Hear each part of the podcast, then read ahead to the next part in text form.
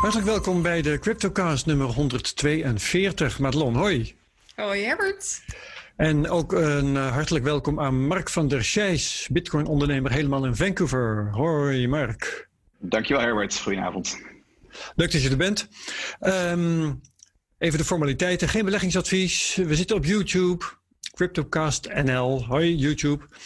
En we zijn natuurlijk op alle podcastkanalen te horen voor mensen die het gewoon bij audio houden. Ja, en dit is een hele bijzondere tijd. Uh, laat ik eens even aan Mark vragen. We zitten in een, ja, in een heuse rally. Noem jij het al een bullrun eigenlijk? Hoe uh, zie jij deze fase? Ja, dit is het begin van een bullrun. Het begint nu pas. Dit is de, eerste, ja, de eerste fase van een hele grote nieuwe bullrun. Um, ja ja, dus ja, het, het is een bullrun. Ja, we zijn er. Oké. Eindelijk. Nou, ja. uh, mooi. He called it. ja. Madelon, uh, bespreek de koersen maar. Ja, ik pak eventjes de grafiek erbij. Um, we hebben natuurlijk een, uh, een prachtige driehoek gezien waar we echt al nou, maanden tegen aangekeken hebben. Die is opwaarts uitgebroken. En vanuit die driehoek hadden we eigenlijk een koersdoel van ongeveer 26.000 dollar. En toen we daarachter kwamen dat we die, dat, dat koersdoel hadden, toen hing de koers nog rond de 9.670 ongeveer. Dat is lang geleden. En dat is heel lang geleden. Dat was wel ergens in juli. We braken daaruit. Toen kwamen we in zo'n opwaarts trendkanaal terecht. Daar zijn we weer uitgebroken. En vanaf dat moment begon echt die versnelde koersbeweging opwaarts begon plaats te vinden. En dat was vanaf ongeveer 14.000 dollar. En we hangen nu, ten tijde van uh, opname, hangen we rond de 18.000 dollar. En dat stukje ja. van, uh, van 15.000 naar 18.000 of 14.000 naar 18.000 zelfs, dat is zo rap gegaan, Herbert. Dat was van 4 november tot aan nu. En nu is 19 november. Ja, je praat over twee ongeveer, weken of zo. Ja. Precies, ongeveer twee weken tijd is die koers zo rap gestegen. En dan krijg je dus bijna zo'n verticale rally omhoog.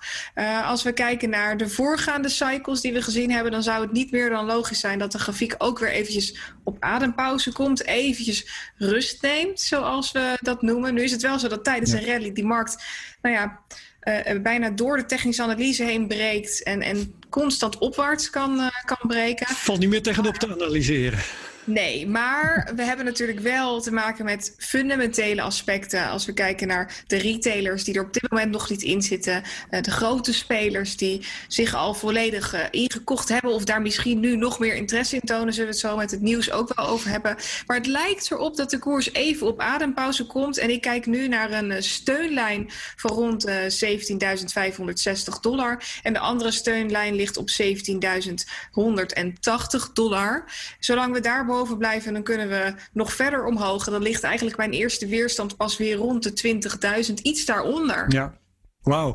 Zeg maar, als het zo hard omhoog gaat, hè, um, parabolisch bijna, ik weet niet of het, of het voldoet aan de definitie van parabolisch, maar um, denk je dan ook niet terug bijvoorbeeld aan, wat was het ook weer, mei vorig jaar, toen we naar de 13.800 gingen en daarna een half jaar in een dalende trend zaten te mokken? Was die vraag aan mij gericht? Hebben? Ja, die vraag is aan jou. Ja. Daarna vraag ja. stel ik hem ook aan Mark. Maar ja, eerst jij nog even. Nee, nee, nee. Dit is wel echt iets, uh, iets compleet anders dan, uh, dan wat we toen zagen. Jij, mm -hmm. jij doelt nu op uh, maart 2020 toen we omhoog gingen, vlak nadat we. Nee, nee, nee, nee, nee. Ik heb het over mei 2019. Toen gingen we naar de 13.800. Ah. En daarna was het tot eind 2019 was het sukkelen. Ja, dat klopt inderdaad. Maar daar hadden we nog een heleboel weerstandsniveaus boven zitten. De weerstandslijn was op een gegeven moment zo sterk. En we hadden toen al een rally gezien vanaf, nou, pak een beet 3000 dollar tot 13.000. Dat ging heel rap. Uh, maar daarna hadden we best wel een, een, sterk niveau waar we eigenlijk niet doorheen konden breken. Dat heb, ja, heeft de koers drie keer geprobeerd. En toen werd duidelijk dat we in die driehoek geduwd werden. En nu ziet de grafiek er fundamenteel anders uit. We zien duidelijk een, een hele mooie bodemformatie over de afgelopen afgelopen maanden. Daarna die uitbraak. En eigenlijk precies volgens het boekje hoe een, ja. hoe een cycle moet lopen. En als je daar dan weer het aantal maanden na de halving dat er weer oplegt. En als je die cycles van voorgaande jaren meeneemt, dan ziet het er onwijs bullish uit. Als ik, uh, als ik de grafiek zo bekijk. Ja, hey, en Mark, hoe ervaar jij het? Uh, als jij het zo hard omhoog ziet gaan, denk jij dan niet uh, een beetje minder mag ook wel? Nou ja, kijk, het, het, ik, ik, ik, ik, ik, ten eerste, ik kijk niet naar een technische analyse. Dat is meestal niet, niet zo mijn ding. Ja. Um, ik kijk naar de fundamentele veranderingen in de markt. En dan zie je gewoon dat, de, dat, wat je, wat, dat de, de gemiddelde transactiewaarde extreem omhoog gegaan is de afgelopen weken. Dat betekent dat de grote beleggers het instappen zijn. Dus ja, het hele, de markt verandert. En daardoor krijg je dus ook veranderingen in, in, in hoe de markt zich gaat bewegen. Uh, dus ja, het gaat wel snel, maar ja, het kan nog veel sneller gaan. Uh, ik, ik, denk dat, dat, dat we uiteindelijk, kijk, de, de bullrun begint pas. Ik denk dat die veel, veel verder gaat. Daar zullen we het eigenlijk wel over hebben. Maar um, kijk, op dit moment gaan de prijzen met 1000 dollar per dag omhoog. Soms, gisteren was het even 1500, ging die weer terug. Kijk, als de bullrun echt, echt op zijn hoogtepunt gaat, komt, dan krijg je bewegingen van 5000 dollar per dag. Um, dus dat, die noteren we vast. Die mag je opschrijven, ja. Dat, ja. Maar dat, dat, dat, dat, dat, dat duurt nog wel. Dat kan nog een jaar duren.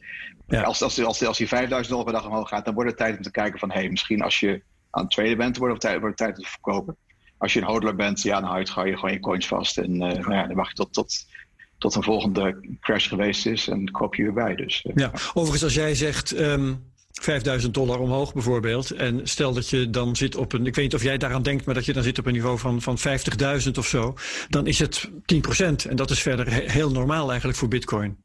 Klopt, ja hoor. Daar moet je ook naar kijken. Kijk, het, nu, nu lijkt 5000 dollar per dag heel veel. Toen ik mijn eerste bitcoins kocht, weet je, was een beweging van 5 of 10 dollar per dag. Dat was extreem hoog. Dus ja, weet je, dat zijn dingen, ja, de, de markt die verandert gewoon. Het is, je hebt gelijk, het percentages, daar gaat het om. Maar, het ook, maar je moet ook kijken naar hoe snel eh, stijgen die percentages. Um, ze zijn natuurlijk behoorlijk hoog. Ik bedoel, het is nu ook een 5% per dag wat je ziet, waar, waarbij het omhoog gaat.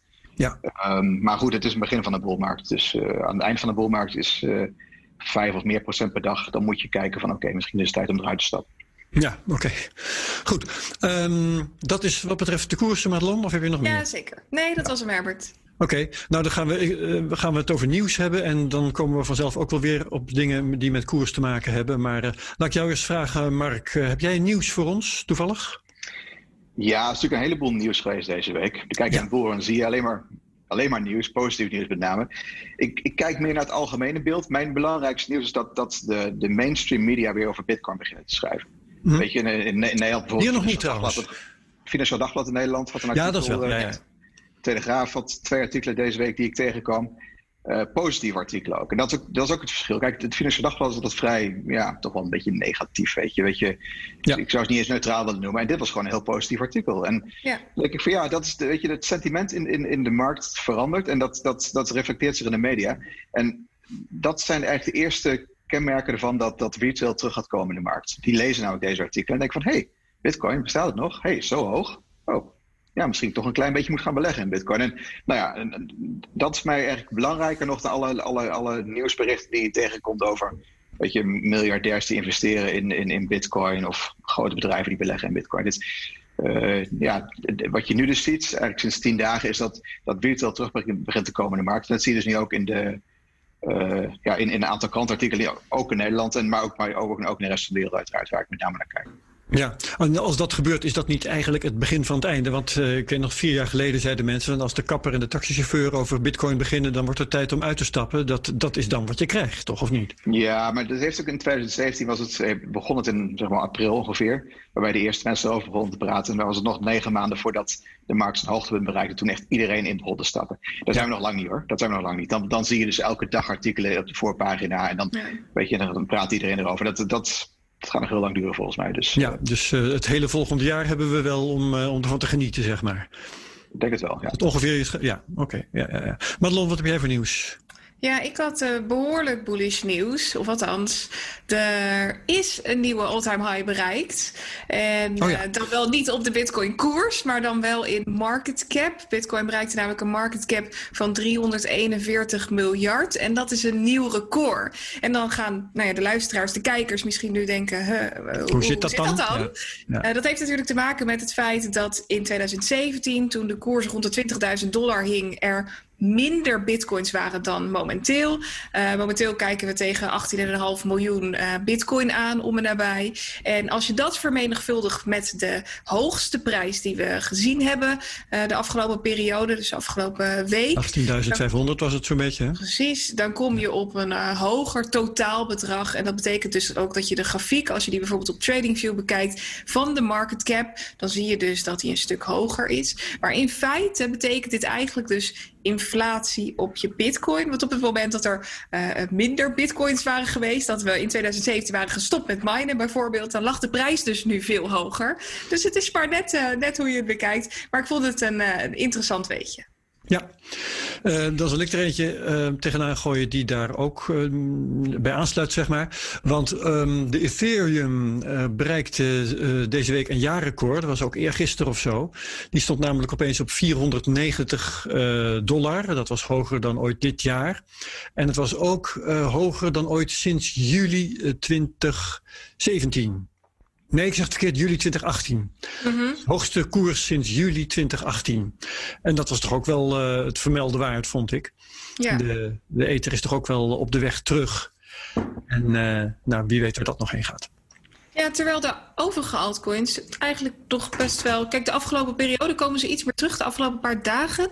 Maar daarvoor bleven ze best wel vlak liggen. Het lijkt bijna alsof er een onderscheid gemaakt wordt tussen uh, bitcoin en een bepaald aantal coins of tokens. Of dat dat misschien nog moet komen. Een voorgaande rally was natuurlijk eerst de altcoins omdat men bitcoin te duur vond. En nu lijkt dat toch anders te zijn. Ik ben wel benieuwd hoe jij daarnaar kijkt, Mark. Nou ja, het, ligt, het komt omdat het nu institutionele investors zijn die investeren. En die, die ja. stappen niet in, in de zogenaamde shitcoins. Die beginnen gewoon mm. met, met Bitcoin, misschien Ethereum. Maar dan houdt het wel op. Dus uh, ja, dat, dat wil zeggen, dit is geen rally die door, door, door retail geleid wordt. Als ja. retail instapt dadelijk, komt het misschien wel terug hoor. Dan kunnen die altcoins hard omhoog gaan. Okay. Um, maar niet zo hard als Bitcoin, denk ik. Dus, uh, Helder. Ja. Ja, nou goed, als het dan toch gaat om, uh, over wie stapt erin en wie niet, dan uh, heb ik uh, natuurlijk de Bitcoin Treasuries weer in de gaten gehouden. En ja, daar gebeurt ook van alles en nog wat. Het laatste wat er gebeurde, dat was dat eergisteren Grayscale weer eens, ik geloof 28.000 bitcoins erbij kocht. Of in ieder geval de Bitcoin Treasuries, het overzicht werd op die dag geüpdate met 28.000 extra bitcoins voor Grayscale. En die hebben er nu 5 509.500. En dat is dan goed voor 2,43% van alle bitcoins. Die zijn dus in handen van één bedrijf. Best wel spectaculair. Ja, zeg dat wel. Ik vraag me trouwens ja. ook af waar dat, waar dat ophoudt. Heb jij enig idee, Mark? Dat is nu dus, als je naar die Bitcoin Treasuries kijkt, het overzicht dus van bedrijven met uh, grote uh, hoeveelheden bitcoins in hun bezit, dan uh, staat dat nu op 4% van alle bitcoins zijn in handen van dit soort partijen. 842.000 bitcoin en nog wat. Waar, waar houdt dat op, denk jij? Hoe, hoe, welk deel van bitcoins gaat op deze manier naar grote investeerders? Nou, ik denk uiteindelijk dat het de meerderheid van de coins zal zijn. Dus dat is, het begint mm -hmm. ook pas daar. Ik bedoel, kijk maar naar, kijk maar naar ja, naar, naar commodities, als je kijkt, het grootste deel ervan is in handen van, van toch de, ja, de grote institutionele partijen. Um, en ja, dat zullen voor een groot deel de treasuries zijn. Dus um, als je naar Grayscale kijkt, ik denk dat Grayscale nog wel heel ver kan groeien. Maar uiteindelijk als er een ETF komt, dan, ja, is, dan, dan, is, dan, zal, dan zal, zullen minder mensen in, in Grayscale uh, stappen. Omdat ja, er zit gewoon een premium op en die wil je niet betalen. Als je ja, 10% meer moet betalen voor je coins dan bij een ETF, ja, dan doe je dat niet. Dus Grayscale, die, uh, ja, die, zullen, die zullen liever geen ETF zien. Of, of die zullen zelf een ETF beginnen, want dan krijgen ze, kunnen ze hun coins van overzetten. Uh, maar ja, het algemeen, ik denk dat, over, dat als je over twee, drie jaar kijkt, dat, dat een groot deel, uh, tientallen procenten van, van, van de coins in handen van treasurers zullen zijn. Tientallen procenten, zeg je? Tientallen procenten, ja, denk ik. Ja, ja, ja. ja, ja. ja okay. iets wat ik interessant vind daaraan. Uh, ik zag van gisteren was dat een tweet van Barry Silbert voorbij komen, de CEO van Grayscale. En hij zei dat voornamelijk Grayscale, maar ook Genesis Trading uh, veel aanvragen kregen van billionaire clients. Um, wat Plan B daarover zei in een tweet van afgelopen week, was dat deze uh, mensen die nu bij Grayscale aankloppen, dat dat long-term hodlers zijn. Of in ieder geval een portefeuille, die, die, partijen zijn een portefeuille aan het opbouwen voor vijf jaar of misschien wel langer. Zie jij dat ook zo, Mark? Ja, absoluut. Dit zijn geen mensen die, even, die eventjes ja, 10% of 20% willen verdienen. Die willen gewoon een, een, een bepaald percentage van een portefeuille in, in bitcoin hebben, omdat het gewoon een nieuwe asset class is. Ja. En ja, dat ga je dus niet verkopen. Dat gaat, je wilt gewoon een percentage van je, van je, van, ja, van je vermogen erin hebben zitten. En uh, ja, ook al verdubbelt dat of verdriedubbelt dat, dan hou je dat gewoon vast. Dus mm -hmm. uh, ja, dat klopt. Helder. Heb ik nog een nieuwtje. Als het over uh, investeerders gaat. Was wel leuk om een, grappig in elk geval, om een bekende naam terug te zien in een bericht over crypto. Herinnert zich iemand, herinnert zich iemand van jullie nog Anthony Scaramucci? Ja. Ja, nou Mark, dat was die figuur die ik geloof negen dagen lang de perschef van president Trump is geweest. De Mooch. En die duikt nu op als uh, betrokkene bij een Sky, uh, Skybridge Capital heet het. Een investeerder die 7 miljard in portefeuille heeft. En die te kennen heeft gegeven bij monden van Anthony Scaramucci. dat ze in bitcoin willen gaan investeren. Is dat een serieus te nemen partij, Mark? Nou, ik neem hem niet zo heel serieus, maar nee. het is wel een serieuze partij. Ja, dus ja, ja nee, maar dat, dat is natuurlijk. Het is, het is, het is ook, weer, ook weer goed nieuws voor de markt. Maar, Ze hadden blijkbaar iemand met een grote mond nodig. Precies, ja. Nou, die hebben ze gevonden. Dus, ja, inderdaad. Jij nog meer nieuws, Madelon?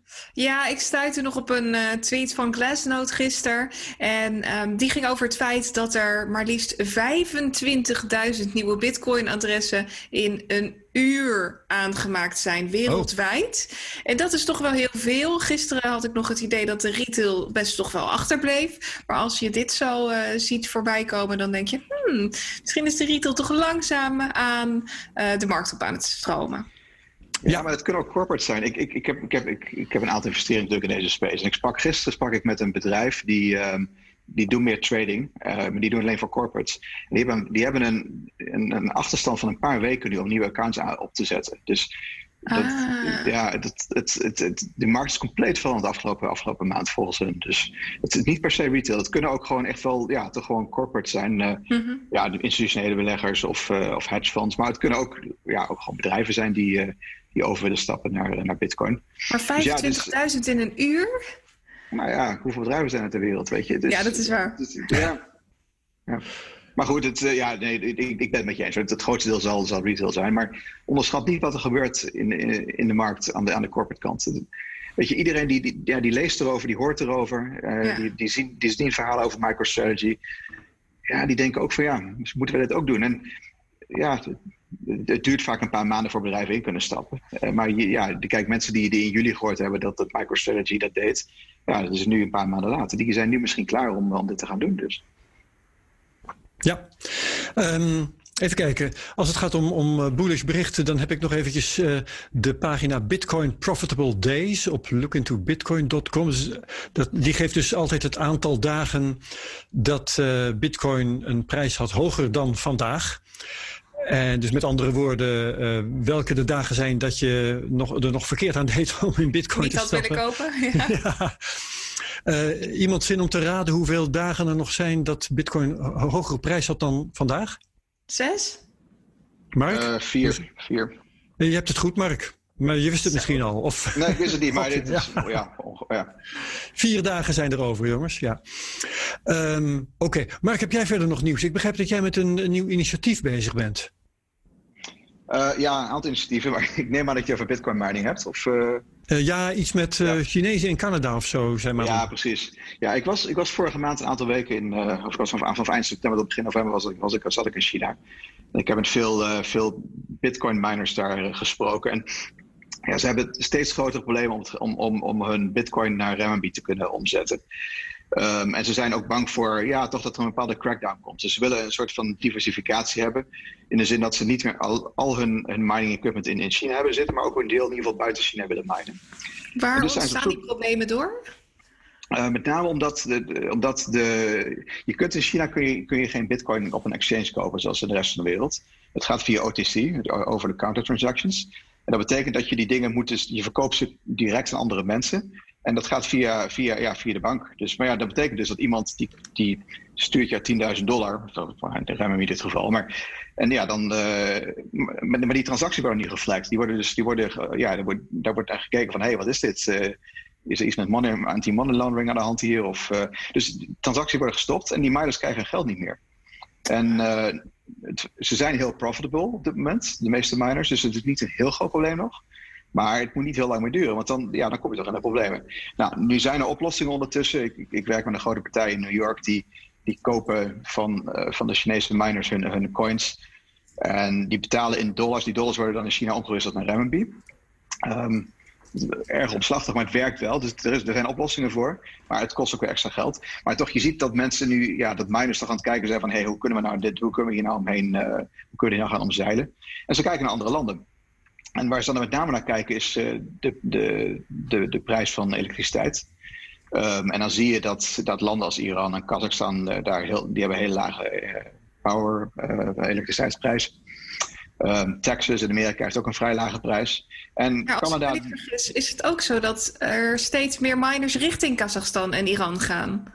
Ja, maar dat klopt. Maar daar is ook een bepaald politiek risico weer aan natuurlijk. Hè? Ja, het zijn, zijn twee dingen. Ik bedoel, ik, ik, kan ook, ik kan ook in Venezuela gaan minen. Dat, daar, ja, dan, letterlijk met open arm ontvangen ze daar. Maar ja, dat, de kans dat je over een half jaar je miningwerk niet meer hebt, is vrij, vrij groot. Ja. En kijk, Iran hetzelfde. Iran die, die verplicht alle miners de, de coins te verkopen aan de overheid momenteel. Omdat ze, dat ze die coins nodig hebben voor, voor internationale betalingen.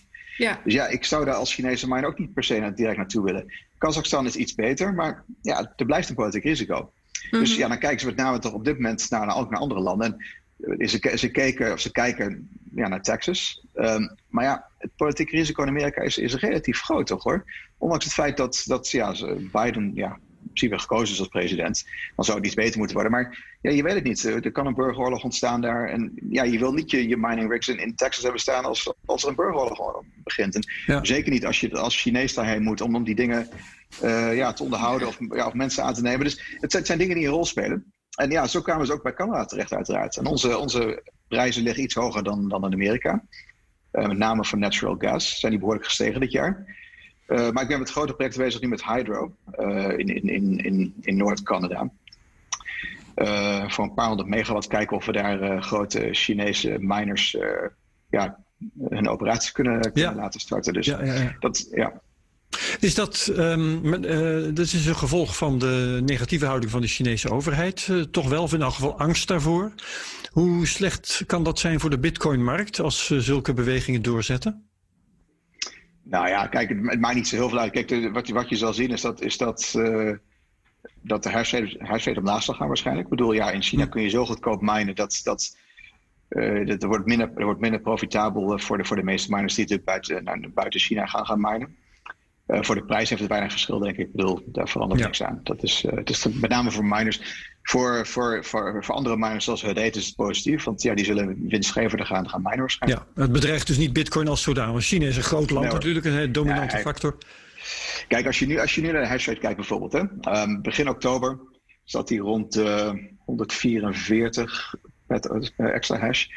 En die is toen behoorlijk gedaald, doordat uh, dat het regenseizoen uh, in, in, in China voorbij was in Sichuan. Dus dan worden al die, die, die, die mining rigs worden naar Noord-China verplaatst. Ja. En normaal gesproken, ja, na drie, vier weken, dan zit het weer op het oude niveau. En je ziet nu dat je toch wel 10% onder, onder het oude niveau zit. En dat zijn puur de miners die, uh, ja, die hun, hun, hun, hun equipment offline houden op dit moment. Um, dus er is wel een effect, maar het is geen, het is geen heel groot effect. Het is 10% van de markt. Um, en dat, ja. ja. dat wordt opgevangen door andere miners. Oké. Okay. Ehm, dan heb ik zelf nog één uh, nieuwtje. En dat, dat uh, betreft uh, ja, wat Mark ongetwijfeld shitcoins zal noemen. Dat vind ik zelf trouwens ook hoor. Um, er is zo'n um, muzikus, rapper uit Senegal. Econ, die heeft al heel lang in voorbereiding een E-coin, cryptocurrency. En dat wordt gekoppeld aan een of andere nieuw te bouwen stad in Senegal. En in die stad zou alleen maar, of niet alleen maar, maar in elk geval ook met die uh, coin betaald kunnen worden. Um, en die lang verwachte e-coin die is nu uh, uiteindelijk verschenen. En die is intussen verhandelbaar ook op Bittrex, als ik me niet vergis. Nou, dus dat is een uh, belangrijke stap voor dit project. Um, ik vraag me dan af, waar heb je dan daar in vredesnaam, waarom heb je daar in vredesnaam een nieuwe coin voor nodig als je wilt betalen met cryptocurrency? Je kan natuurlijk ook gewoon met, met bitcoin. Hoe denk jij over dit initiatief, Mark? Ken jij het? Nou, ik heb er wel eens over gehoord, maar ik wist niet dat het nu live was bijvoorbeeld. In het algemeen geloof ik wel in, in, in coins die door artiesten uitgegeven worden. Puur omdat ze een hele grote fanbase hebben.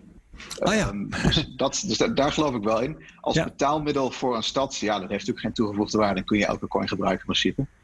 Um, ja. Maar ik geloof wel dat op, op, op termijn, ik denk dat heel, veel, dat heel veel artiesten dat zullen gaan doen. Dat ze hun eigen coins uitbrengen. Die kun je dan gebruiken voor ja, om fanartikelen en zo. Fanartikelen met korting te krijgen of dat je, weet, weet ik veel. Maar ja, daar, zijn, daar, zijn, daar is wel een hele grote markt voor. Op, Voetbalclubs doen dat ook, dat uh, weet jij ook. Oh, ja, precies. Ja, ja, ja, inderdaad.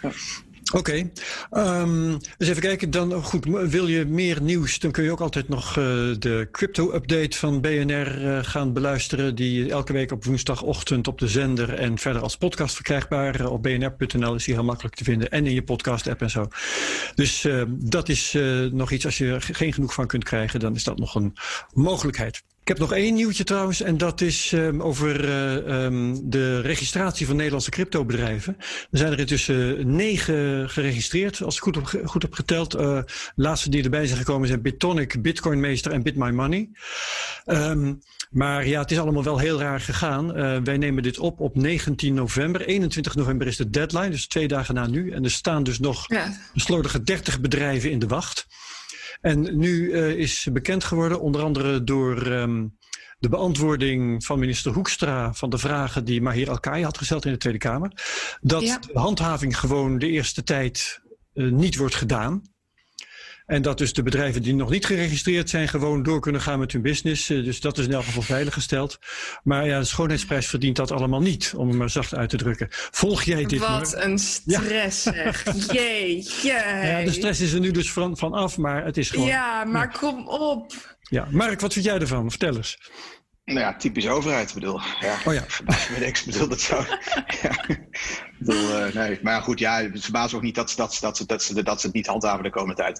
Ik bedoel, dat, dat, is lag, dat lag in een lijn en verwachting. Als, als ik ondernemer ja. was, had ik, had ik niet echt zorgen gemaakt. Want ja, het is niet, jouw, niet jouw fout dat de overheid uh, te laat met dingen begint. Dus, uh, nee. Um, maar ja, het is... ja, is natuurlijk niet goed. Dus, nee, en het was nog veel zieliger geweest als, als uh, ze wel waren gaan handhaven. Dat, maar goed, uh, breek me de bek niet ja. aan. Wat wil jij zeggen, Madelon? Ik heb net even de lijst erbij gepakt en er staat nu ook nog een andere partij bij, dat is Happy Coins. Dus in totaal zijn er nu okay. tien uh, partijen officieel aan het register toegevoegd. Morgen is dus nog de laatste werkdag om de partijen toe te voegen. Maar wat mij vooral een beetje uh, ja, opviel eigenlijk, is dat strakjes die kosten van toezicht, 1,7 miljoen, wellicht verdeeld moeten worden over tien partijen. En dan ook nog weer naar rato. Dus dat kan een best uh, forse som worden. Um, ja, maar de, de, uiteindelijk worden het toch gewoon een stuk of dertig. Nee, laten we het hopen. Ik, ik ja. heb nog niks gehoord over afwijzingen overigens. Nee, daarom. Uh, dat ja. zou er ook nog achterweg kunnen horen, maar, of kunnen komen. Laten we hopen dat iedereen alsnog uh, zijn goedkeuring krijgt. Ja, we houden het scherp in de gaten. En uh, we zullen ongetwijfeld ook wel van ondernemers horen... of anders misschien wel van Mahir Alkaya of van Simon Lelyveld... Um, hoe dat uitpakt met die kosten. Dat volgen we gewoon. Yes. Oké. Okay. Mark... Um, we gaan met jou praten, voor zover we dat uh, al niet uh, al lang doen waren. het is alweer, volgens ons is het een jaar geleden bijna dat we met je gesproken hebben. Januari, het was de honderdste. Um. En toen, uh, toen was jij uh, zwaar ongerust over de coronasituatie in China. Nou, ja. dat, uh, dat is wel ongeveer uitgepakt zoals jij. Was dit jouw nachtmerriescenario wat er sindsdien gebeurd is?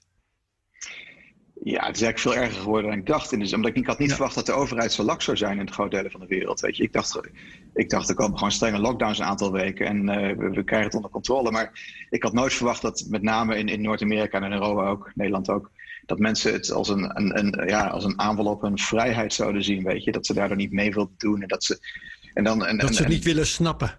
Niet willen snappen, maar ook dat de overheid, weet je, dat dat, dat het maanden duurt voor ze zeggen dat mondkapjes werken. Denk ik van ja, weet je, lezen jullie dan geen, geen scientific magazines? En weet je, het zijn die dingen die, die voor mij al in, in letterlijk februari, maart duidelijk waren. Die beginnen nu pas een beetje door de overheid geïmplementeerd te worden. Dan denk ik van ja, dat is, dat, dat is de nachtmerrie. En dat is eigenlijk voor mij nog, eigenlijk nog erger dan de COVID-crisis zelf omdat het gewoon aangeeft dat als er echt andere crisissen komen, die gaan er komen, zoals de, de, de climate crisis, die worden niet opgelost. Niet door de overheid in ieder geval.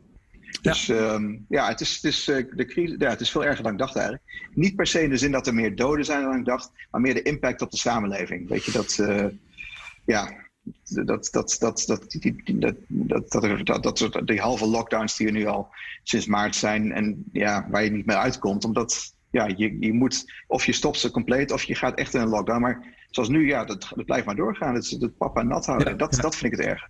We hebben nu in ieder geval een, een paar vaccins die uh, op de drempel van de markt staan. En jij twitterde daar uh, vandaag of gisteren uh, iets grappigs over, wat meteen een brugje geeft tussen corona en crypto. Dat is namelijk dit. Tweeting about the flu vaccine is a good way to find people to block. Lots of crypto people who don't seem to believe in the science behind vaccines. Mainly hardcore altcoiners, though. No surprise there.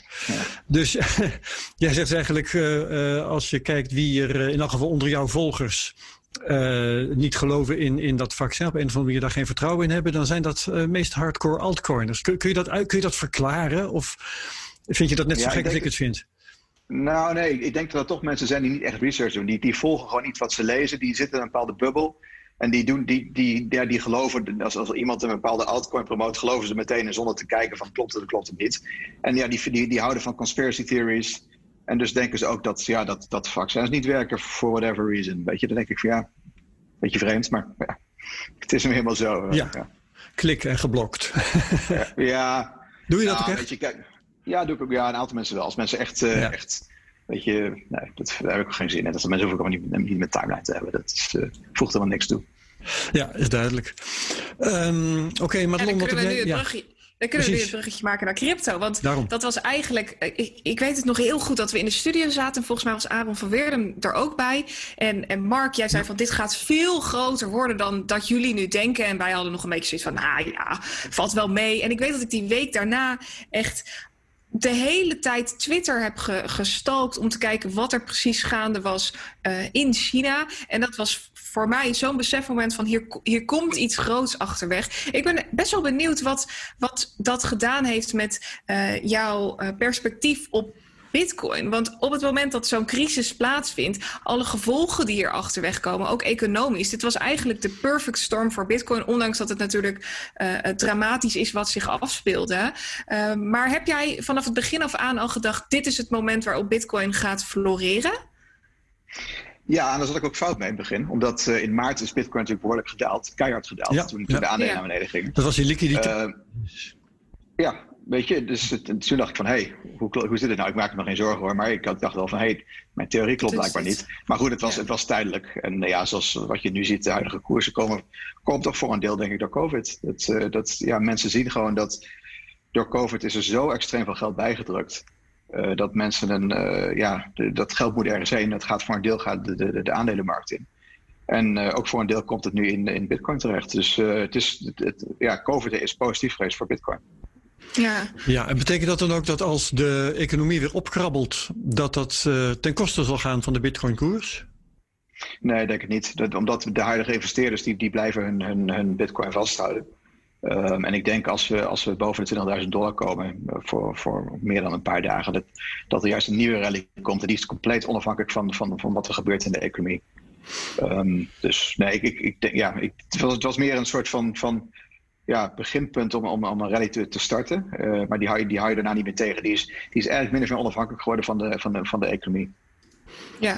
ja. Je bent momenteel niet meer uh, op de voorgrond bij uh, Hut Eet. Of eigenlijk moet ik het anders zeggen, niet meer betrokken bij Hut Eet. Uh, maar ik ben best wel benieuwd wat die periode dan voor een, een miningbedrijf in zijn algemeenheid doet. Want dat was wel een moment waarop menig Bitcoin-bezitter toch wel een beetje dacht: hey, dit is de perfect storm en die koers gaat omlaag. Wat gebeurt hier? En helemaal als miner, je moet toch uh, uh, je, je, je winst er weer uit kunnen halen. Hoe, hoe heb je dat ervaren? Ja, dat was natuurlijk wel lastig. Maar je begint echt op dat, dat moment in, in maart in ieder geval. We maakten echt zware verliezen een paar weken lang. Ja. Um, ook omdat de toch behoorlijk, die ging wel gewoon omhoog. De prijs ging omlaag. Dus ja, alles werkt tegen je. Hetzelfde punt wat, er, daarna gebeurde is dat, dat we geen nieuwe miners konden bestellen. Omdat dat China alles plat lag een paar, een paar, een paar maanden. Een paar weken eigenlijk uiteindelijk. Uh, en we konden geen nieuw geld ophalen in de markt. Omdat ja, je kon geen roadshows doen. Dus het was echt, alles werkte tegen deed een aantal, uh, aantal maanden lang. Dus ja, dat was niet heel, niet heel makkelijk. Um, maar ja, goed, dat hoort, dat, hoort ook bij ondernemen. En dat, is, dat, zijn, dat zijn periodes, je weet dat die kunnen komen. En uh, ja, we hadden natuurlijk al een, een, een bearmarkt achter de rug van, van, van, van ruim twee jaar. Dus het was, uh, uh, het was niet, even, niet al even makkelijk. Maar uh, ja, goed, ja. Dat, dat, hoort erbij. Dus. En, en um, is het nu Hosanna bij, bij Hut Eat? Of um, nou, is het nog lastig? Want, want de hashrate gaat natuurlijk ook weer stevig de lucht in. Ja, maar kijk, zoals ik al zei, ik ben niet meer direct betrokken bij het Ik weet ook hmm. wel het een en ander ervan. Ze, ze, maken wel, ze maken nu wel flink winst op deze koersen, dus dat ziet er goed uit. Ja. Maar kijk, hun probleem is, ze moeten gewoon veel geld ophalen in de markt. En um, ja, de, de board heeft, heeft in april, uh, of in, ja, in april is de CEO vervangen door, door de CFO. En nu wordt de CFO weer vervangen door een externe CEO. Weet je, denk ik, ja, dat is niet het juiste moment om dit nu te doen. Uh, maar goed, dat, dat moet de board. Daar kan ik, daar kan ik niks, daar kan ik niks aan doen. Dit is de board die dat doet. Je moet nu juist een sterke CEO hebben die gewoon geld ophaalt en uh, nu hard naar voren gaat. Um, ja, maar opzicht, ja, het, ziet, er redelijk goed uit. Volgens mij hebben we het momenteel beter dan, uh, dan de afgelopen maanden. Een van de dingen die mij opviel als technisch analist zijn, is dat de koers van Hut Eet best toch wel achterblijft. Die stijgt niet mee met de Bitcoin-koers. Heb jij daar een verklaring voor? Ja, door de hash rate. Kijk, de meeste mensen die kijken alleen naar de Bitcoin-prijs, maar je moet kijken naar zowel de hash rate als, als, de, als, de, als de Bitcoin-prijs. Het verschil tussen die twee is waar, waar de, de Hudate-koers vandaan komt. Uh, toen ja. Hudate naar de beurs ging, was de hash rate zo laag dat niemand naar de hash rate keek. Alleen die is extreem gestegen de afgelopen twee jaar. En uh, ja, dus nu is het echt significant uh, voor, voor, voor de winstgevendheid van Hudate. Als ik naar de resultaten keek in, in het derde kwartaal, dan hebben ze voor een deel hebben ze echt met, met flink verlies Mhm. Eh, en dat, dat komt puur door de, ja, door de, door de, door de hash die omhoog ging en de Bitcoin-prijs die niet heel erg steeg nog. Dus, ja. Uh, ja. Even terug naar enkele weken geleden. Want um, dat was het moment waarop die koers eindelijk begon te stijgen. We hadden natuurlijk die halving. Nou, daarna was het toch wel een beetje afwachten. Jij gaf al aan van nou, het, het, valt, het zal best wel meevallen. Uh, we verwachten daar niet te veel van. Um, maar afgelopen periode begon die koers eindelijk fors te stijgen. Wat is er voor jou fundamenteel veranderd, uh, waardoor die koers nu ineens meegaat met het nieuws en, en begint te stijgen? Nou ja, puur het feit dat, dat institutionele beleggers instappen, dat die, dat die in, in, in Bitcoin stappen en dat die de markt gewoon fundamenteel veranderen. Um, wat je ziet is dat de meeste weak hands, dus de mensen die, die, die snel verkopen, die zijn uit de markt. Die zijn de afgelopen twee jaar zijn die, hebben die hun, hun, bitcoin verkocht op, op lage prijzen. Dus de mensen die nu nog bitcoins hebben, de retail investors, die verkopen ze niet zo snel. Misschien mm -hmm. op de 20.000 dollar bij een nieuwe all-time high, dat mensen zullen zeggen, oké, ik, uh, ik, heb het, ik, heb het, ik heb het nu met bitcoins twee jaar vastgehouden, ik heb nu winst, ik stap eruit, kan. Maar het zullen niet zo heel veel zijn. Dus je ziet, als je naar de, naar de, naar de, naar de beurzen kijkt, de exchanges, um, ja, daar, wordt, daar, daar, zijn, daar zijn steeds minder coins uh, uh, te verkrijgen. Beschikbaar, de, ja. beschikbaar, ja, dank je, dat woord. Um, dus ja, dat, dat is wat er fundamenteel veranderd is in de markt. Het is, uh, het is een institutionele markt geworden waar steeds meer vraag komt en steeds minder aanbod is. En ja, daardoor begint een bull market. En jij, jij ziet dus ook geen serieuze uh, weerstand, om even een TA-term te gebruiken, daar bij die 20.000? Dat uh, mensen daar op grote schaal winst gaan hebben, echt met verkooporders staan te wachten? Nou, nee, in de zin van, ik, ik, ik zie wel een, een duidelijke een, een hurdle waar ze overheen moeten, een psychologische hurdle. Hm. En er zullen best mensen, dus het aanbod zal sterk omhoog gaan. Dus ik verwacht wel dat daar rond die prijs dat er iets gaat gebeuren, dat, dat je misschien wel een kleine crash krijgt. Um, maar het, het, is niet zo dat we van 20.000 terug gaan naar 13.000 of zo. Weet je, dat, is, eh, dat, dat, dat geloof ik absoluut niet. Uh, er is, er is, op dit moment zie je dat eigenlijk alle dips direct teruggekocht worden door, door, door, door beleggers, ja. de grote beleggers. Mm um, en ja, dat gaat ook daar gebeuren. Er, moet, ja, er, zullen, er zullen meer coins uh, op de markt komen. En die, maar die, worden, die worden opgekocht. En dat kan een paar dagen langer duren. Maar daarna ga je over de 20 heen en blijf je gewoon, door, gewoon doorstijgen, denk ik. Ja, heb jij een koersdoel in gedachten? Nou ja, ik heb in 2017 gezegd dat ik in, in eind 2021 150.000 dollar de bitcoin verwacht. En dat, daar zit ik nog steeds op. Hm. Ik, dus uh, dat, ik denk echt dat we ja, een, een 10x, 10 keer uh, mogen kunnen gaan over, over de komende 12 maanden. Maar weet je, er zijn zoveel factoren die daar een rol bij spelen. Dat, ja, ja. ja het, het, het, kan, het, kan, het kan ook het dubbele zijn. En het kan ook maar 50.000 dollar zijn. Weet je, dus. Maar ja, ik, ik geloof. 50.000 dollar. Ik durf daar niet eens aan te denken, zeg. Hey. Oh, als ik daar überhaupt zo aan denk, dat is, dat, dat is bizar. Maar goed, zo'n beweging hebben we in 2017 ook gehad. Hè? Dat ging ook in een jaar maal 20. Ja, als je, kijkt naar, als je bijvoorbeeld kijkt naar, weet je, Raoul Paul die had erover dat over vijf jaar bitcoin een miljoen dollar waard kan zijn. Dan denken mensen, dat kan toch helemaal niet? Nou, dat, was, dat, was, dat, was, dat, was, dat, was, dat zijn een week geleden toen bitcoin op 16.000 dollar stond. En uh, mijn vriendin die, voor, die begon daarover tegen mij. Die zei, zo, zij is een professionele belegger, maar ze doet niet zo heel veel met bitcoin. En ik zei, ja, kijk, kijk maar vijf jaar terug. Toen stond de koers in oktober rond de 250 dollar. Ja. Nou, van 250 naar, 200, naar 16.000 is zo'n 65 keer omhoog.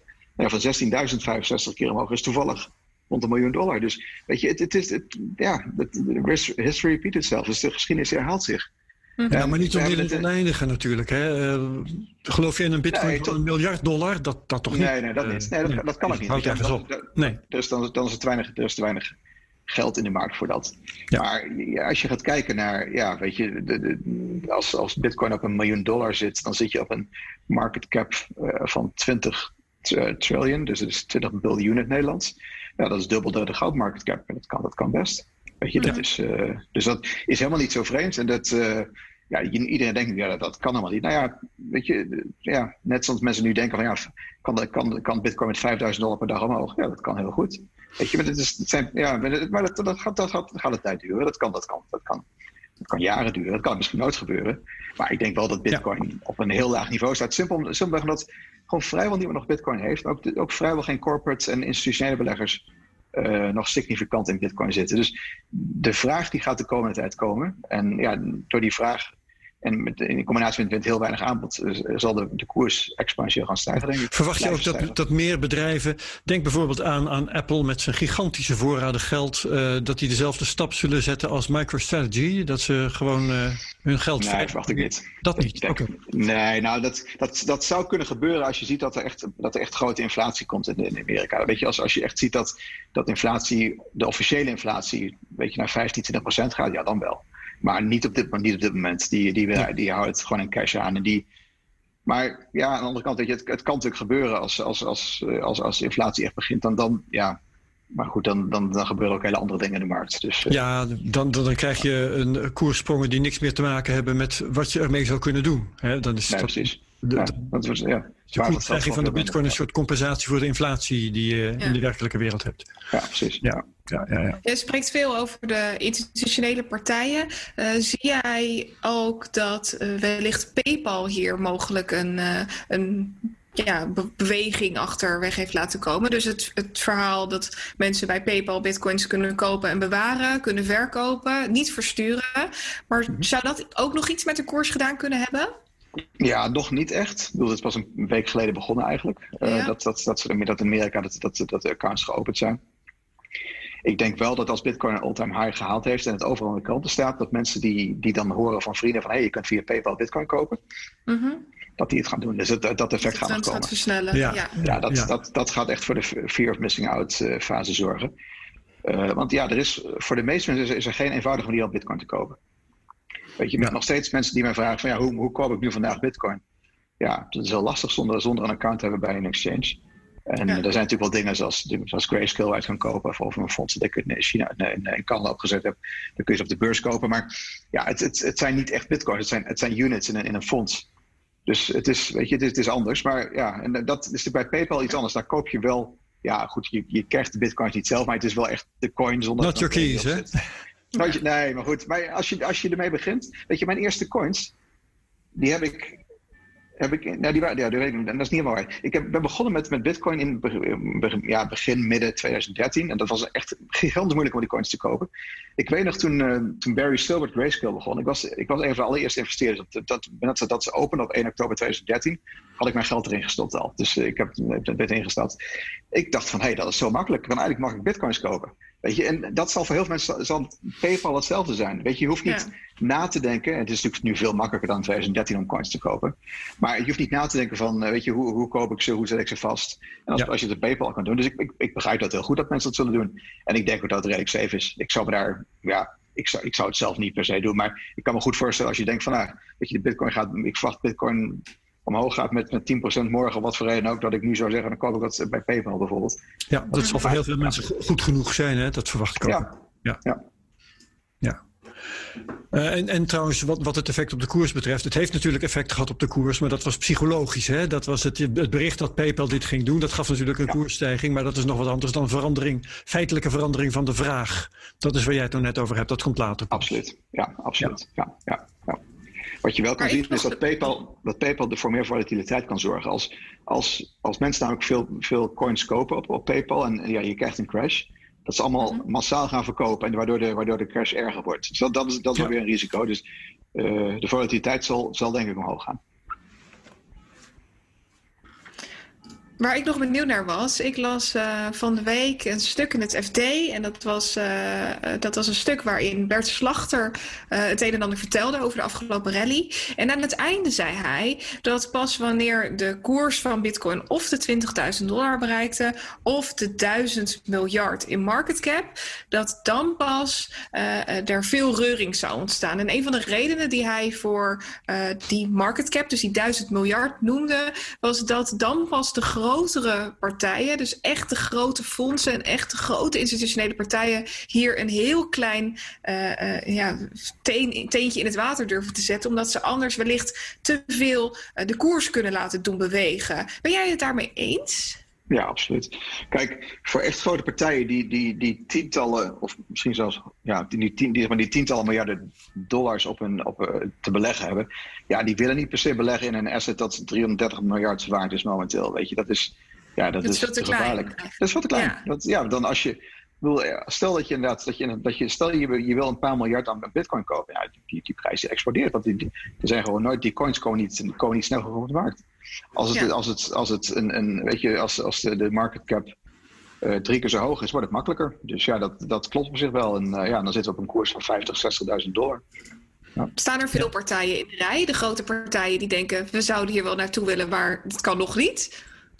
Nou, nee, niet, nee. Ik- Er zijn wel veel partijen die er naar kijken. Maar de echt hele grote partijen, die stoppen in ieder geval geen significant geld er nog in. Die, die, doen, die doen wat kleine trades. Die, die, weet je, dat, die, maar dat zijn geen, geen, geen trades waarbij ze een 5% van een portefeuille in bitcoin zetten. Dat, Mhm. dat zie ik pas gebeuren op, op, op, op, op een veel hoger niveau. Ja, Dus, maar je ziet nu wel een eh, ja, soort mentaliteitsverandering, is mijn idee tenminste. Eh, doordat bijvoorbeeld, nou wat, wat eh, JP Morgan is, is helemaal om. Hè? Die, eh, die eh, zijn actief met bitcoin bezig. Eh, van de week was er een verklaring van, eh, van een onderzoek van Citibank, waar ook een vrij hoge prognose van de bitcoin-koers uitvolgt. Nou, PayPal is om. Dus de ene bank na de andere, die eh, waagt die stap in elk geval mentaal. Eh, ze gaan nog niet allemaal er praktisch mee aan de slag, maar dat, dan, dan ga je toch denken dat komt alsnog later. oh ja, dat komt ook. Ja. Maar daarom ben ik zo, daarom ben ik zo positief over, over, over de koers. Weet je. Dus Precies, ja. ik, ja, weet je, ja, er is, ik zeg het al jaren hoor, dat als, als institutions komen, dan gaat de koers echt omhoog. Het heeft langer geduurd dan ik dacht, eerlijk gezegd. Maar ja, het begint nu echt en dit stopt ook niet meer, denk ik. En eh, ja, hoe groter Bitcoin wordt, hoe het interessanter wordt voor andere partijen. Weet je, sommige mensen denken als de koers hard omhoog gaat, dan stapt niemand meer in. Nee, juist niet. Dan stappen partijen voor het eerst in, omdat ze het serieus nemen. Kijk, ja, ik bedoel, goud heeft, eh, heeft een waarde van, van de market cap van wat is het, 12, eh 12 biljoen in, in het Nederlands. Ja, als Bitcoin op 1 biljoen zit, weet je, als Bitcoin dus 50, 60.000 dollar waard is, ja, dat is nog maar een, een 10%, meer dan 10% van goud. Ja. Dus Mhm. ja, zo moet, je, zo moet je naar die verhoudingen kijken. En eh, Ja. ja, dus ik, ik kijk niet eens per se naar, naar, naar de prijs alleen. Het is ook meer van wat, hoe belangrijk is, is Bitcoin in, in het grote geheel. Weet je, ook mensen die zeggen van ja, weet je, overheden gaan, gaan Bitcoin verbieden bijvoorbeeld. Ja, een asset class van 350 miljard, ja, dat is helemaal niks. Dat is, Nee, interesse in. Precies, en naarmate er meer grote partijen in zitten, hebben we, hebben nou Square en MicroStrategy. Dat zijn natuurlijk niet de meest invloedrijke bedrijven, maar er zullen er heus wel meer komen op termijn. En inderdaad, eh, van, van die grote institutionele investeerders. Hoe meer van dat soort jongens erin zitten, hoe minder een overheid zal durven om het echt aan banden te leggen. Denk je ook niet? Absoluut. Nee, daarom is het goed dat het Ja. gewoon langzaam stijgt. Dat, dat de echt grote partijen daar aan boord zijn. Ik bedoel, ja, als, als echt, de, de echt grote financiële instellingen daar erin zitten en de pensioenfondsen erin gaan zitten, ja, dan, dan wil een overheid ook niet, het niet meer stoppen. Dat willen ze nu al niet, hoor, omdat ze inzien dat je, je, weet, je, wil, je, wil deze, je wil deze technologie niet stoppen. Nee. Maar ja, als, als, als daarmee ook pensioenfondsen om kunnen vallen, zullen ze het zeker niet meer doen. Dus eh, Maar ik, heb ik je daar- totaal geen risico. Heb jij inzicht in hoe dat internationaal zit? Want eh, ik meen te weten dat het ABP bijvoorbeeld, hè, de Nederlandse pensioenfondsen, eh, dat die dit helemaal niet mogen, omdat zo'n bitcoin veel te volatiel is. Zijn andere pensioenfondsen in andere landen daar wel toe in staat? Nee, volgens mij de meeste, de meeste pensioenfondsen, de meeste landen niet. Maar ook omdat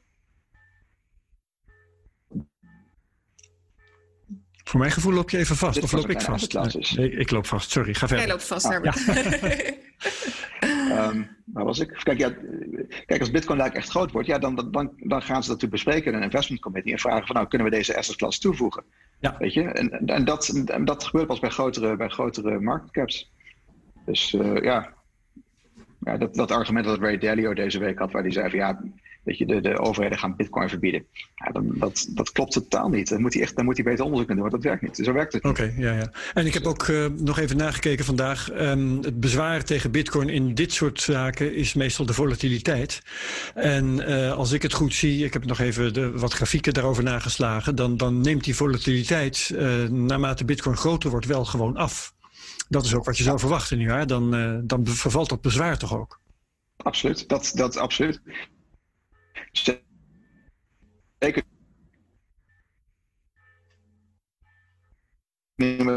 Grote partijen die aan boord komen die niet meer procent zitten. Dus ja, dan is het met name retail die, zullen, die wellicht zullen verkopen, maar de, de, de, de prijsfluctuaties zullen minder worden.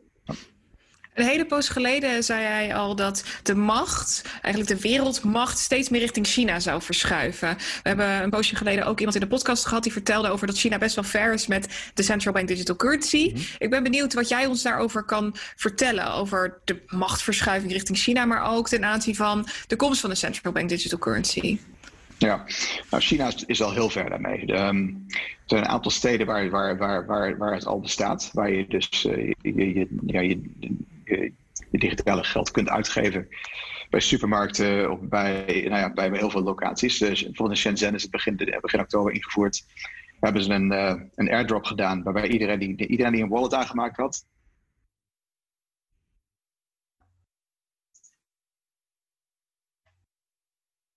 Uh, ik geloof 10% ervan of zo, die of mensen gratis in een wallet. Waardoor echt, maar ik geloof miljoenen mensen een wallet aangemaakt hebben. Uh, en ja, als, als, miljoenen mensen een wallet hebben, ja, dan, dan, kun je het snel uit gaan rollen. Dus je, je, ziet dat er, dat er heel veel ehm, concurrentie is tussen steden om het als eerste in te mogen voeren. Dus er komen steeds meer steden bij die het doen. Gaat per stad wordt het gedaan. Ja, en iedereen is positief. Iedereen is ook gewend in China aan, aan het betalen met, met, met, met telefoons. Um, iedereen betaalt met WeChat of met, met Alipay. Um, bijvoorbeeld toen ik, ja, ik was, ik was vijf weken in China. Ik heb letterlijk niet één keer mijn portemonnee gebruikt. Niet één keer mijn creditcard gebruikt. Ik heb alleen maar mijn telefoon bij me gehad en daar overal mee betaald. De, de wereld is zo compleet anders daar. Ja, dus ja, en, en, dat, ja, voor hun is, is dus zo'n digital currency gewoon een, een extra currency in, in je wallet waarmee je betaalt. En mensen merken het verschil niet eens volgens mij. Um, dus ja, dat gaat heel erg snel momenteel. En ik denk dat, uh, ja, ik vind het ook gevaarlijk hoor, want de overheid krijgt gewoon extreem veel macht over jou. Ik las toevallig een artikel deze week, echt interessant, waarin stond dat um, die, uh, mensen die uh, bankfraude plegen, of fraude plegen met, met pinpassen of met simkaarten, die kunnen nu een straf krijgen waar ze vijf jaar lang geen digitale wallets mogen gebruiken. En dan denk je in Nederland van, nou ja, oké, dat is niet zo erg. Nou, dat betekent in China letterlijk dat je sociaal leven voorbij is. Je kunt, je kunt gewoon niet meer betalen met cash. Weet je, is Baylights, die hebben QR-codes. Die betaal je met, met je telefoon. Die, geef je geen cash. Je kunt, het is, je, je kunt, je kunt, je kunt geen, geen, geen taxi bestellen. Je kunt niet met openbaar vervoer. Alles gaat met, met een digital wallet. Dus vijf jaar lang geen digital wallet mogen gebruiken. Ja, het is beter dan in de gevangenis zitten, maar ja, je leven is, je kunt gewoon heel veel dingen kun je niet meer. En dat is, dat is best wel extern. En, en is, dat, dus is dat ook de verwachting als zo'n uh, currency in uh, een democratisch land ingevoerd zou worden? Want dan is de situatie wel iets anders.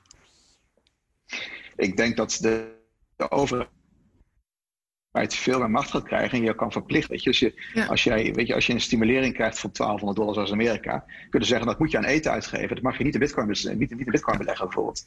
En, uh, ja, en daar begint het mee natuurlijk. Dat zijn dingen ja, ik vind, het, ik vind het helemaal niet goed. Maar die, die kant gaat het wel op. Dus uh, heel, heel groot deel van je vrijheid zal weggaan. Weet je als, je, als je een uitkering krijgt, je moet het in die maand besteden. Je mag het niet, niet vastzetten. Je mag, je hm. mag het niet aan, weet ik wat, aan porno uitgeven of aan, weet ik wat. Ja, dit is, ook in democratische landen gaat het tot, tot, tot volgens mij dat, grote, gaat dat hele grote gevolgen hebben. En uh, ja, ik, ik ben op dat ben ik geen voorstander van. Denk je dat mensen daardoor uh, eerder richting crypto's vluchten? Omdat ze bang zijn voor wat er aan zit te komen? Of dat de druk misschien te groot wordt? Ik denk de meeste mensen het helemaal niet zien. Die, uh, dit, moment, dit moment in ieder geval nog niet. Het kan wel pas gaan gebeuren. Kijk, pas als ze laat is. Dat is meestal, weet je. Dat is, uh, ja, ja, Ze zien niet wat er aan de hand is. Net zoals ze niet zien dat er nu veel te veel geld bijgedrukt wordt. En, ja, nee, dus dat, ik geloof niet dat dat een momenteel een effect heeft. En wat je wel krijgt, denk ik, is dat als iedereen zo'n wallet heeft, dat ze gaan zich realiseren van hé, hey, je kunt ook ja, bitcoin in zo'n wallet zetten. Misschien niet in dezelfde wallet, maar wel een soort gelijke wallet. Als je een keer gewend bent te betalen met digitaal geld, zoals in China, ja, dan, dan kun je het ook net zo goed met, met, cryptocurrency doen. als je dan ziet dat, dat, dat, jouw, digitale dollar of digitale euro minder waard wordt elke maand, Terwijl Bitcoin automatisch omhoog gaat, ja, dan is natuurlijk de vraag van wat gaan mensen doen. Ik denk dat het antwoord is dat ze dan toch wel gaan kijken naar wat de mogelijkheden zullen zijn. Dat het voor de adoptie van Bitcoin heel positief kan zijn. Ja, maar het uh, verbieden van betalingen in Bitcoin, dat is toch wel een reële mogelijkheid. In Rusland doen ze dat bijvoorbeeld. Dus uh, dat kan, daar kan een overheid altijd toe besluiten, of niet? Dat kan, maar goed. ja, als ze dat doen, dan, dan, is, dat, is het lastig en dan zullen mensen dat niet meer doen. Maar goed, dan, dan, dan, dan, ga, je, dan ga je Bitcoin gebruiken als een, als een store value, het opzetten hmm. naar, naar, digital currency en betaal je daarmee. Dus dat is een extra stap. Ja. Zo, kijk, sowieso, kijk, Bitcoin is geen betaalmiddel. Dat, dat, dat, dat, dat, ja, dat is het natuurlijk niet. En dat zal het ook, denk ik, niet heel snel worden. Dus uh, ja, dat is niet echt een issue, denk ik. Ja. Je hebt een tijdje geleden. Oh, sorry, Madelon, ga je gaan. Nee, jij, jij mag Herbert. Oké. nou, je hebt een tijdje geleden ook nog getwitterd, uh, Mark, over um, of we nou uh, inflatie tegemoet gingen of deflatie. Dat vond ik wel grappig, want je kwam er eigenlijk uit, op uit dat we ze allebei tegelijk zullen hebben. Kun je dat eens uitleggen? Ja. Kijk, wat je ziet is dat, dat er natuurlijk heel veel geld bijgedrukt wordt. En het, het, het standaard verhaal is dan als er heel veel geld bijgedrukt wordt, krijg je hyperinflatie. Wat, wat in de jaren 20 gebeurde. Maar dat gebeurt alleen als het geld bij de mensen terechtkomt. En dat gebeurt eigenlijk nu niet. Een heel groot deel van het geld dat bijgedrukt wordt, komt bij de banken terecht. Uh, en het, je hebt het zogenaamde Cantillon-effect heet dat. Waardoor zeg maar, de, de, de van de bevolking, de, de beleggers, de investeerders, die hebben toegang tot het geld. Die kunnen het lenen van de bank of die, weet je, die, die kunnen dat gebruiken. En ja, die kopen daar geen, geen extra brood van of extra eten. Die, die, ja, die, die, die stoppen dat in de aandelenmarkt of in bitcoin. Of in dus bitcoin, dus, ja. ja. dus je ziet dus de inflatie met name in, in, in, in, de, in de real assets. Um, dat, dat, is, dat is real estate, dus uh, onroerend goed. Uh, dat zijn ja, de dingen waar je in investeert. En in veel mindere mate in, in, in de dagelijkse goederen die je koopt. Um, ik, ik, ik denk zelfs dat, dat, dat, dat, je, dat je deflatie zult zien in, in, uh, over de komende jaren in, in, in, in, ja, in, de, in de dingen die je dagelijks leven gebruikt. Um, simpelweg omdat um, het goedkoop wordt om te produceren. Veel, veel dingen worden al zonder, zonder, zonder arbeid geproduceerd. Het zal steeds meer worden als je naar China kijkt bijvoorbeeld, daar zijn de eerste complete, uh, complete driverless cars, taxis, die, die rijden rond ondertussen. Er zijn een aantal die in Beijing rondrijden. Weet je, maar ja, goed, dan, dan zijn de kosten van een taxi zijn eigenlijk vrijwel nul. Want die dingen worden, zijn elektrische taxis, die worden, die worden gemaakt voor 15.000 dollar. Uh, die kunnen een miljoen kilometer rijden. Uh, alleen de batterijen moeten opgeladen worden. Die kunnen met zonne, zonne-energie opgeladen worden. Er is geen, geen chauffeur. Dus ja, je moet die 15.000 dollar moet je afschrijven over een miljoen kilometer. Zonder echt extra kosten die eraan vastkomen. Dus de, de kosten zijn echt vrijwel nul om, om een taxi te nemen in de toekomst. Dat is één voorbeeld. Weet je, als je, als je naar, naar, naar, naar, naar, naar, um, naar de, de, de, als je naar AI kijkt, artificial intelligence, kunstmatige intelligentie, de invloed daarvan op, op, op productiemethoden die is extreem. Uh, dat gaat ook toe leiden dat productie, de productiekosten steeds lager zullen worden. Steeds minder mensen zullen, zullen in het productieproces proces, uh, gebruikt worden. Dus ja, de wages, de, de, de, de, de, de kosten voor arbeid, die, zijn, die, zijn, die gaan naar nul toe. Dus producten zullen goedkoper worden. Uh, dus daar zie je deflatie. Maar aan de andere kant zie je in, in, in, in, de, in de investeringsklasse dat alles omhoog gaat. Daar is inflatie. Dus ja. het is een combinatie van twee dingen. Maar um, dat is wel grappig, want dan zullen mensen die uh, uh, niet die je niet tot de investeerders rekent, mensen die dus alleen maar hun geld nodig hebben voor levensmiddelen, die zullen geen inflatie ervaren.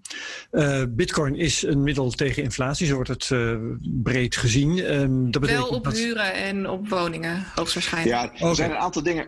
Kijk, als je kijkt, als je kijkt naar bijvoorbeeld wat er gebeurt, als je naar de education markt kijkt, in ieder geval Noord-Amerika, Nederland is oh, in ja. Weet je, als je, nou, als je, als je kijkt wat het kost om naar de universiteit te gaan, daar heb je een paar ton voor nodig voor, voor goede universiteit. Om je, om je, weet je, dan kom je met een schuld van een paar ton kom je, kom je er vandaan.